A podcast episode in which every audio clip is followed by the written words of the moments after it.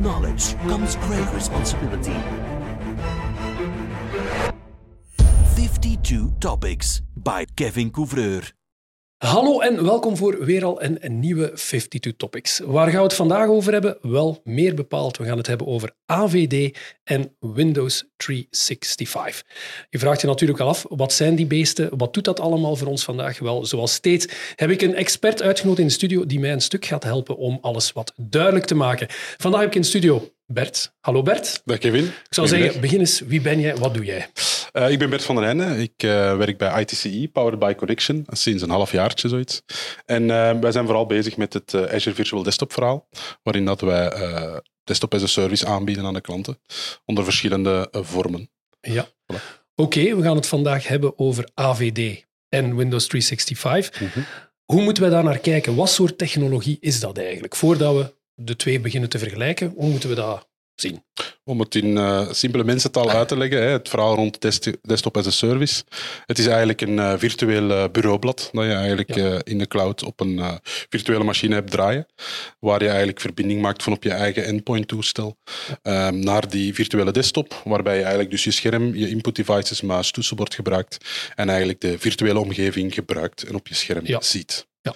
Voilà. Oké, virtuele desktop. Ja, als we al met termen als virtueel beginnen te praten, heb je al veel mensen die zeggen van, wat is dat? Waar, hè? Dat was een beetje dezelfde discussie toen we begonnen over cloud natuurlijk. Hè. Het wordt niet meer zo tastbaar. Hè. Nee, klopt. Uh, wat we wel weten, remote desktop, we zien het wel op het scherm verschijnen. Hè. Dat is al het eerste natuurlijk. Hè. Het is heel vertrouwd. We gebruiken al een bureaublad hè. Uh, jaar en dag. Maar oké, AVD, mhm. we hebben Windows 365. Het zijn twee producten van Microsoft die op de markt zijn gekomen of al een tijdje aanwezig zijn natuurlijk. Mhm. Wat is AVD en wat is Windows 365? Laten we beginnen met AVD misschien. AVD, ja. AVD gebruikt eigenlijk de volledige Azure-technologie. Ehm, en wordt ook volledig vanuit Azure gemanaged. Dus wat mm. wil dat eigenlijk zeggen? Dat we in de Azure-omgeving uh, verschillende virtuele machines gaan plaatsen. We, gaan die, dat zijn, we noemen die allemaal aparte sessie-hosts. En we gaan die eigenlijk vanuit een hostpool aansturen. Dus een gebruiker gaat uh, connectie maken met het systeem en eigenlijk de hostpool of de slimme verdeling gaat plaatsvinden en de gebruikers gaan op een van de servers aanloggen. Hè. Ja. Zij krijgen daar hun virtueel bureaublad te zien en zijn zo vertrokken en kunnen hun uh, werk doen. Uh, Windows 365 daarentegen um, is eigenlijk een um, single gebruik. Dus dat wil zeggen dat je hebt die personal uh, virtual desktop ja. eigenlijk, ehm, die eigenlijk helemaal de rekenkracht voor één gebruiker bevat.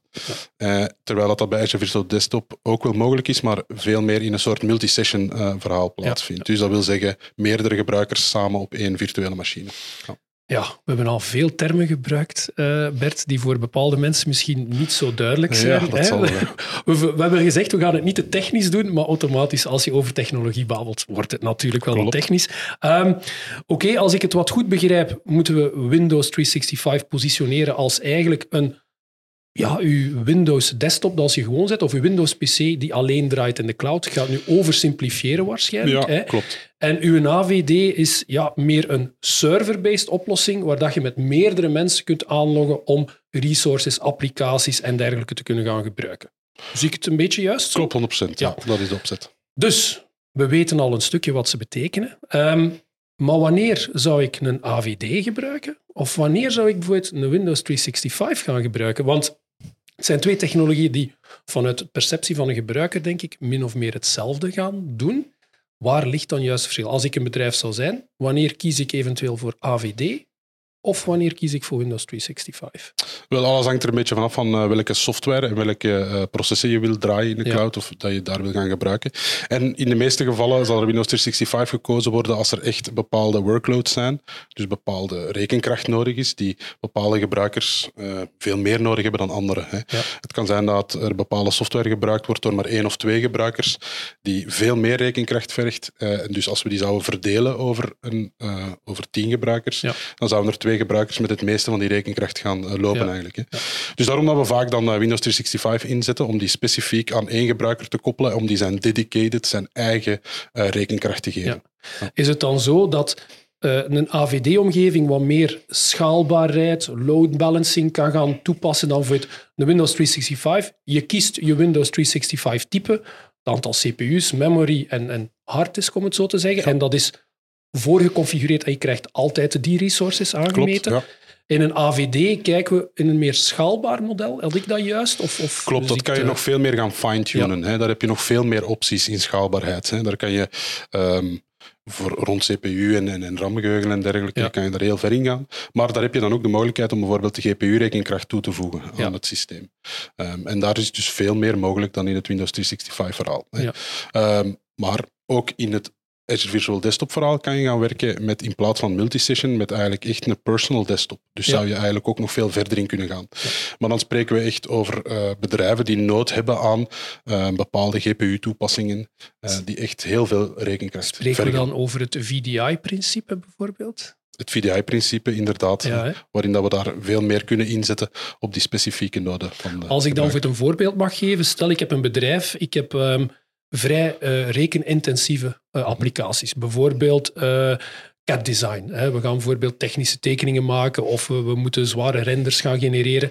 Ja, zou ik dan gaan voor een Windows 365 of zou ik dan eerder kijken naar een AVD-oplossing?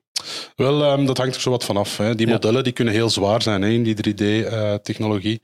Ehm, dus als het echt over heel zware rendermodellen gaat, dan gaan we echt richting Azure Virtual Desktop kijken met de, een, een, een- correcte positionering van de juiste GPU-kracht eigenlijk. Ehm, gaat het over echt simpele ontwerpen of gaat het over vooral het bekijken van 3D-modellen, dan zou je met de Windows 365 al een heel Ja. eind ver geraken. Hè. Maar dat wordt altijd op maat met de klant afgestemd. Hè. Die workload wordt echt onderzocht om te kijken wat is het beste toepasbaar. Want we hebben het nu inderdaad over het AVD-verhaal Windows 365. Begrijp ik het goed dat de twee niet kunnen samenwerken? Of kan dat wel? Kunnen de twee naast elkaar Mhm. werken zonder dat een gebruiker daar eigenlijk iets van gaat merken? Ja, je kan het perfect eh, samen doen eh, werken. Dat is zeker geen Ja. enkel probleem. Eh, achterliggend is er eigenlijk de, de Azure eh, VNet-structuur, waar we eigenlijk het Azure-netwerk eh, Ja. gebruiken. Ehm, en beide systemen kunnen op hetzelfde ehm, bedrijfsnetwerk aangesloten worden en kunnen dus dezelfde software-resources raadplegen. Aan de andere kant hebben beide systemen ook hetzelfde OS, hè, dus hetzelfde besturingssysteem, waarin dat we de dag van vandaag uiteraard al Windows 11 eh, kunnen eh, aanbieden, eh, maar waar ook nog Windows 10 in mogelijk is. Ja, ja. voilà. Ehm, een beetje technisch dan, omdat je nu Mhm. spreekt over OS, gaan we ervan uit een AVD wordt eigenlijk op een serveromgeving gedraaid en Mhm. een Windows 365 is eigenlijk een desktop? Of zie ik dat een beetje verkeerd? Dat zie je misschien een beetje verkeerd. Ja. Hè? Vanuit het verleden hadden we dat heel vaak, dat er Ja. eigenlijk die multisessions van op server OS werden gedraaid. De dag van vandaag heeft Microsoft daar ehm, zijn Windows 10 en nu uiteraard Windows Ja. 11 eh, OS eh, geoptimaliseerd voor het multisession gebruik. En heeft men dat eigenlijk mogelijk gemaakt. Dus je komt volledig in je vertrouwde omgeving terecht, zoals dat je eigenlijk op je end-user device zou zien of, of, of eh, gebruiken. En dat kan op beide platformen. Op Azure Virtual Desktop kan dat als op Ja. Windows 365. Dus uiteindelijk, als we vandaag gaan kijken, hè, dus er is geen technisch verschil, er is ook geen visueel verschil naar de eindgebruiker toe. Dus AVD geeft wat meer mogelijkheden rond GPU, zwaardere rekenkracht. We kunnen een beetje meer gaan spelen op de achtergrond, hoe dat we alles gaan allokeren. Windows 365 is, je kiest een versie met bepaalde parameters en dat is eigenlijk hetgeen wat je gaat gebruiken.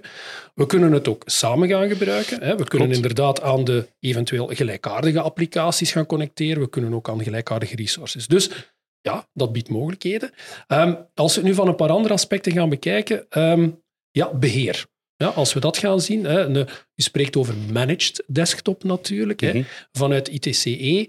Jullie bieden dat aan als een service, hè, volledig A tot Z. Hè, de gebruiker moet niet nadenken. Mhm.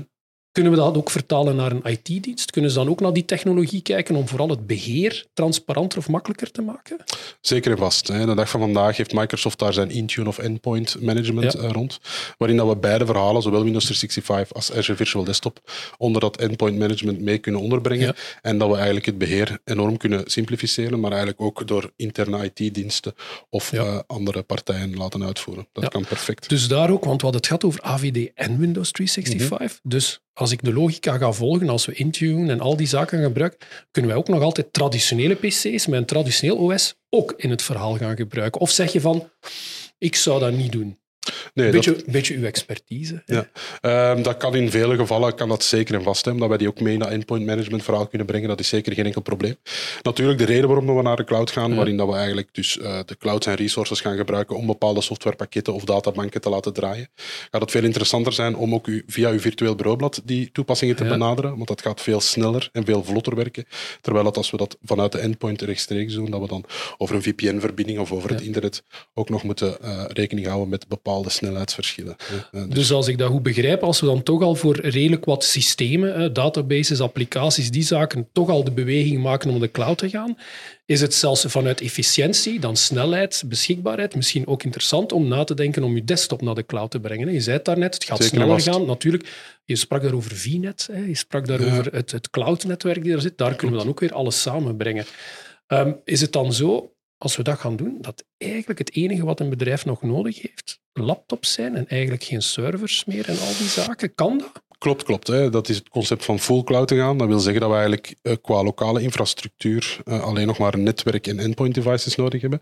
Verder gaan wij lokaal geen servervoorziening, geen backup-voorziening meer voorzien. Hè. Ja. Dus dat kan eh, zeker. Het gaat dan zelfs zo ver dat uw endpoint devices ook niet meer zo extreem krachtig moeten zijn. Ja. En dat die eigenlijk gemanaged worden en een beetje worden ehm, ja, beperkt in wat de mogelijkheden zijn om eigenlijk vooral te focussen op de verbinding met uw cloud desktop. Dat is Dus uw internetconnectiviteit wordt dan belangrijk. Hè, zeer natuurlijk. belangrijk. Ja. Dus ja, als we het naar lifecycle management, sustainability ook, hè, dat komt natuurlijk meer en meer ook aan bod. Hè, redenen om naar cloud te gaan. Ook inderdaad, kan zeggen van ja, we gaan die laptop na drie of vier jaar niet vervangen. We kunnen ze langer gebruiken. Dat zijn voordelen dan ook. Dat zijn zeker voordelen. En daar zijn ook heel veel verschillende pistes in. Hè. Je hebt enerzijds je bestaande toestellen die je langer kan eh, in gebruik nemen.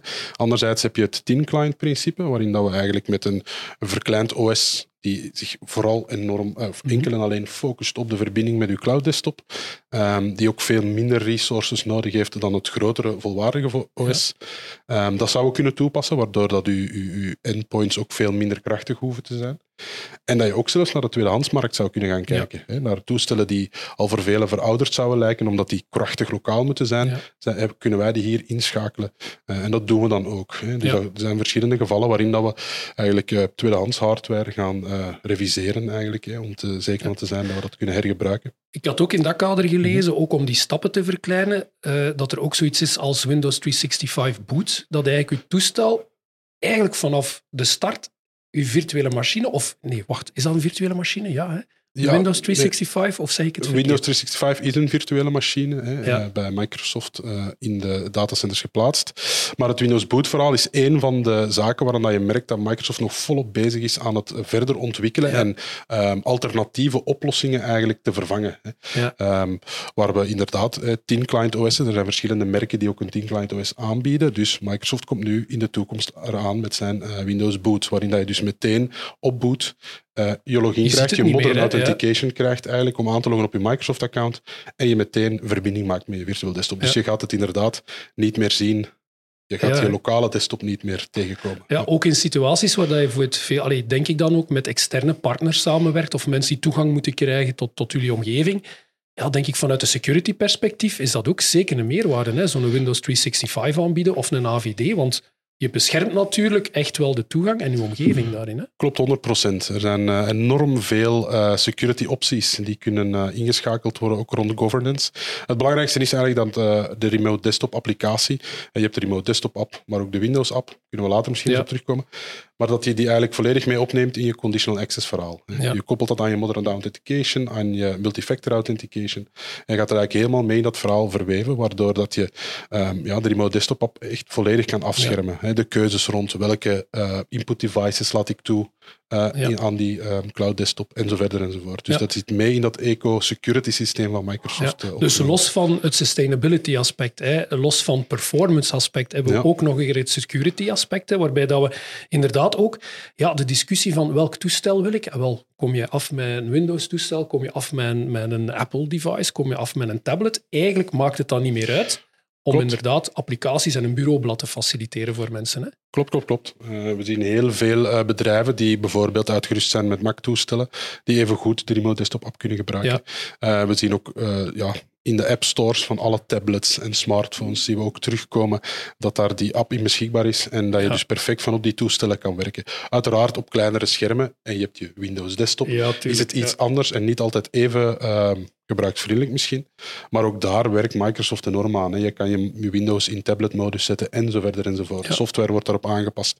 Dus we zien dat er eigenlijk alleen maar langs alle kanten meegewerkt wordt in de richting van het uh, Windows. Het is natuurlijk faciliteren hè, dat Microsoft wil doen. Hè. Ze hebben zoiets van, ja, we hebben het bedrijf, de meeste bedrijven draaien op een Microsoft-omgeving. Zeker ook met, met Microsoft 365 en dergelijke meer. Hè. Uw Outlook, uh, uw Office-pakketten, uw SharePoint, al die zaken staan op de cloud. Um, ja... Heel interessant natuurlijk, dus er is geen reden om te zeggen van ja, maar mijn PC werkt daar niet mee. Zelfs een Linux-gebruiker kan zeggen van ik kan, er perfect aan. Ehm, we hebben het altijd gehad over ons extern bureaublad. Hè. We faciliteren een volledige omgeving. Ja, maar kan dat ook met applicaties? Dat we eigenlijk gewoon via dezelfde technologie applicaties ergens beschikbaar kunnen stellen? Kan dat ook? Dat kan prima. Hè. Eh, eigenlijk, achterliggend is de technologie hetzelfde. Je gaat eigenlijk een, een sessiehost of een virtuele machine opzetten waar de applicatie op draait. En je gaat eigenlijk die applicatie aanbieden als een published app, heet dat dan. Uh, waarin dat de gebruikelijke in plaats van met zijn bureaublad verbinding maakt, gaat hij eigenlijk zijn applicatie starten. En gaat hij die ja, je ziet het bijna niet meer. Gaat hij die eigenlijk virtueel opstarten. Uh, dus het beeld dat je dan doorkrijgt van de applicatie is eigenlijk de streaming die je krijgt van je cloud desktop. Dus eigenlijk ja, opties genoeg, denk ik, om daar te faciliteren. Om vooral ook achterliggend ja, te centraliseren, het beheer volgens mij wat te verbeteren. Ja, schaalbaarheid up en down. Ja, heb, heb ik vandaag 20 extra ja. uh, desktops nodig, moeten we het naar beneden doen. Dus eigenlijk denk ik heel veel reden om vooral ook toch een keer een kijkje te nemen in de technologie. Ik denk dat dat vooral iets is uh, dat mensen eens moeten doen. Als je het niet kent, weet je het nu via 52 uh, Topics eigenlijk, dat we dat zeker eens moeten bekijken. Uh, wat doen we bijvoorbeeld met bedrijven die vandaag um, nog altijd ja, een traditionele RDP-omgeving hebben of een Citrix-omgeving hebben of iets anders van dergelijke software? Moeten ze eens gaan kijken naar wat AVD of Windows 365 voor hen kan betekenen? Of zeggen van ja, er zijn toch hier en daar nog zaken waar we zeggen van we kunnen het bekijken, maar we hebben toch een zekere voorzichtigheid. Ja, ja die voorzichtigheid is er altijd bij heel veel bedrijven. En dat gaat dan over kostprijs, dat gaat dan over uh, bepaalde toepassingen draaien die wel uh, in de cloud. Is dit wel mogelijk? Uh, ook bij bepaalde productiebedrijven, hè, die productiezekerheid wensen, die, die denken aan de mogelijke problemen die zouden kunnen ontstaan als je geen internetverbinding hebt en dergelijke. Nu, wat we gaan doen is, we gaan altijd met die klanten of met die projecten even rond de tafel zitten. En we gaan eens een keer even oplijsten wat er allemaal in het bedrijf aan de hand is. Hè. Zoals je daarnet al aanhield, de meeste bedrijven hebben al een Microsoft 365-omgeving. Dus die basis ligt er al rond identity, rond users en dergelijke. Dus we kunnen daar perfect op verder bouwen. Wat we dan meestal gaan doen, is eigenlijk een voortraject opstarten, waarin dat we gaan kijken um, welke softwarepakketten worden er gebruikt in het bedrijf. Hè. Welke toepassingen draaien er? Welke automatisaties zijn er van kracht? Uh, ook welke databronnen worden er gebruikt? Niet alleen ehm, voor bestanden op te slaan, maar ook van databanken die worden gebruikt. Uh, dat kan gaan tot bepaalde analytics data die wordt gebruikt. Omdat de dag van vandaag gaat men ook on-prem al zo ver mogelijk ehm, proberen ehm, zijn uh, zaken te zoeken.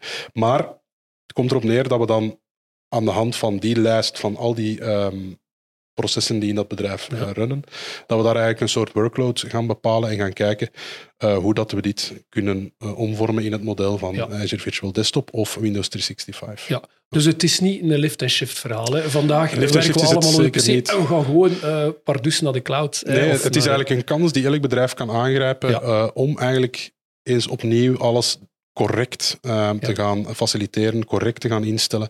Omdat we ook merken dat bedrijven die uh, ja, door de groei, door de jaren heen, uh, heel veel bepaalde structuren hebben opgebouwd die misschien niet meer zo efficiënt zijn. Zeker ook met wat de toekomst brengt in het Microsoft-gamma, is het zeker interessant om dat eens helemaal opnieuw op te starten en helemaal uit te werken. Dus in, inderdaad, in de meeste gevallen gaan we geen simpele lift en shift doen. Het kan wel zijn dat een, een, een lift en shift in de eerste fase van een migratietraject handig is, omdat je dan al een groot groot deel veel sneller meeneemt naar de cloud. Maar we gaan er eigenlijk altijd voor zorgen dat eh, alles opnieuw uitgebouwd wordt. Opnieuw met de laatste versies, de juiste security updates en zo verder Voilà. enzovoort. Eh, Het is een kans om, als ik het goed begrijp, om met een schone lei te beginnen, om toch op zijn minst ook een keer een optimalisatieoefening te doen. Hè, Voilà. Van je bestaande infrastructuur. Hè. Wat doen we eigenlijk vandaag en wat hebben we eigenlijk nodig? En is een migratie naar de cloud, dat is misschien een beetje een moeilijke vraag, is dat ook automatisch een soort besparing dat we gaan doen? Of, of is dat... Ja, ik weet dat altijd een moeilijke. dat hè, is zo- altijd een moeilijke hè, voor iedereen. Hè? ja, want er zijn veel aspecten. Ik heb het gehad, Ja. hè, uw sustainability-verhaal, uw security, uw snelheid, performance, schaalbaarheid. Dus er gaan wel een heleboel aspecten zijn die... Maar door een, correcte, ja. ja. door een correcte voorstudie te doen, ga je zien dat je op heel veel vlakken kan gaan besparen. En misschien op andere vlakken weer extra gaan Ja. inzetten hè, om het vlotter te laten lopen, om eh, bepaalde zaken eh, te verbeteren, ook in het bedrijfsproces. Ja. Ehm, dus het is zeker de moeite om dat voortraject eens helemaal uit te werken, om te zien wat de mogelijkheden Ja. zijn. Zeker. Ehm, ja, als ik het hoor, een heel boeiend platform. Interessant platform. Hè? Ik denk het, we bent er dagelijks mee bezig, Ja, ja? Eh, ehm, nee, zijn er nog zaken die ik misschien vergeten ben in ons gesprek? Misschien belangrijk nog even het verschil tussen AVD en Windows 365, Ja. heel kort, eh, is dan eh, voornamelijk, dus enerzijds wordt AVD meer ingezet voor multisession, dus met meerdere mensen samen op een eh, Ja. virtuele machine werken, terwijl dat Windows 365 meer op het personal desktop Ja. verhaal, je eigen rekenkracht, je moet ze niet delen met anderen. Anderzijds de kostprijs. Hè, terwijl dat eigenlijk het Azure Virtual Desktop verhaal eh, vanuit een ja, PSU-use-principe werkt. Ja. Dus wat je gebruikt zal je betalen. Heb je eigenlijk bij het Windows 365 een fixed pricing Ja, oké. Dat is ook nog een, een, een duidelijk verschil. Ah, dat is wel interessant, ja. Ja, ja.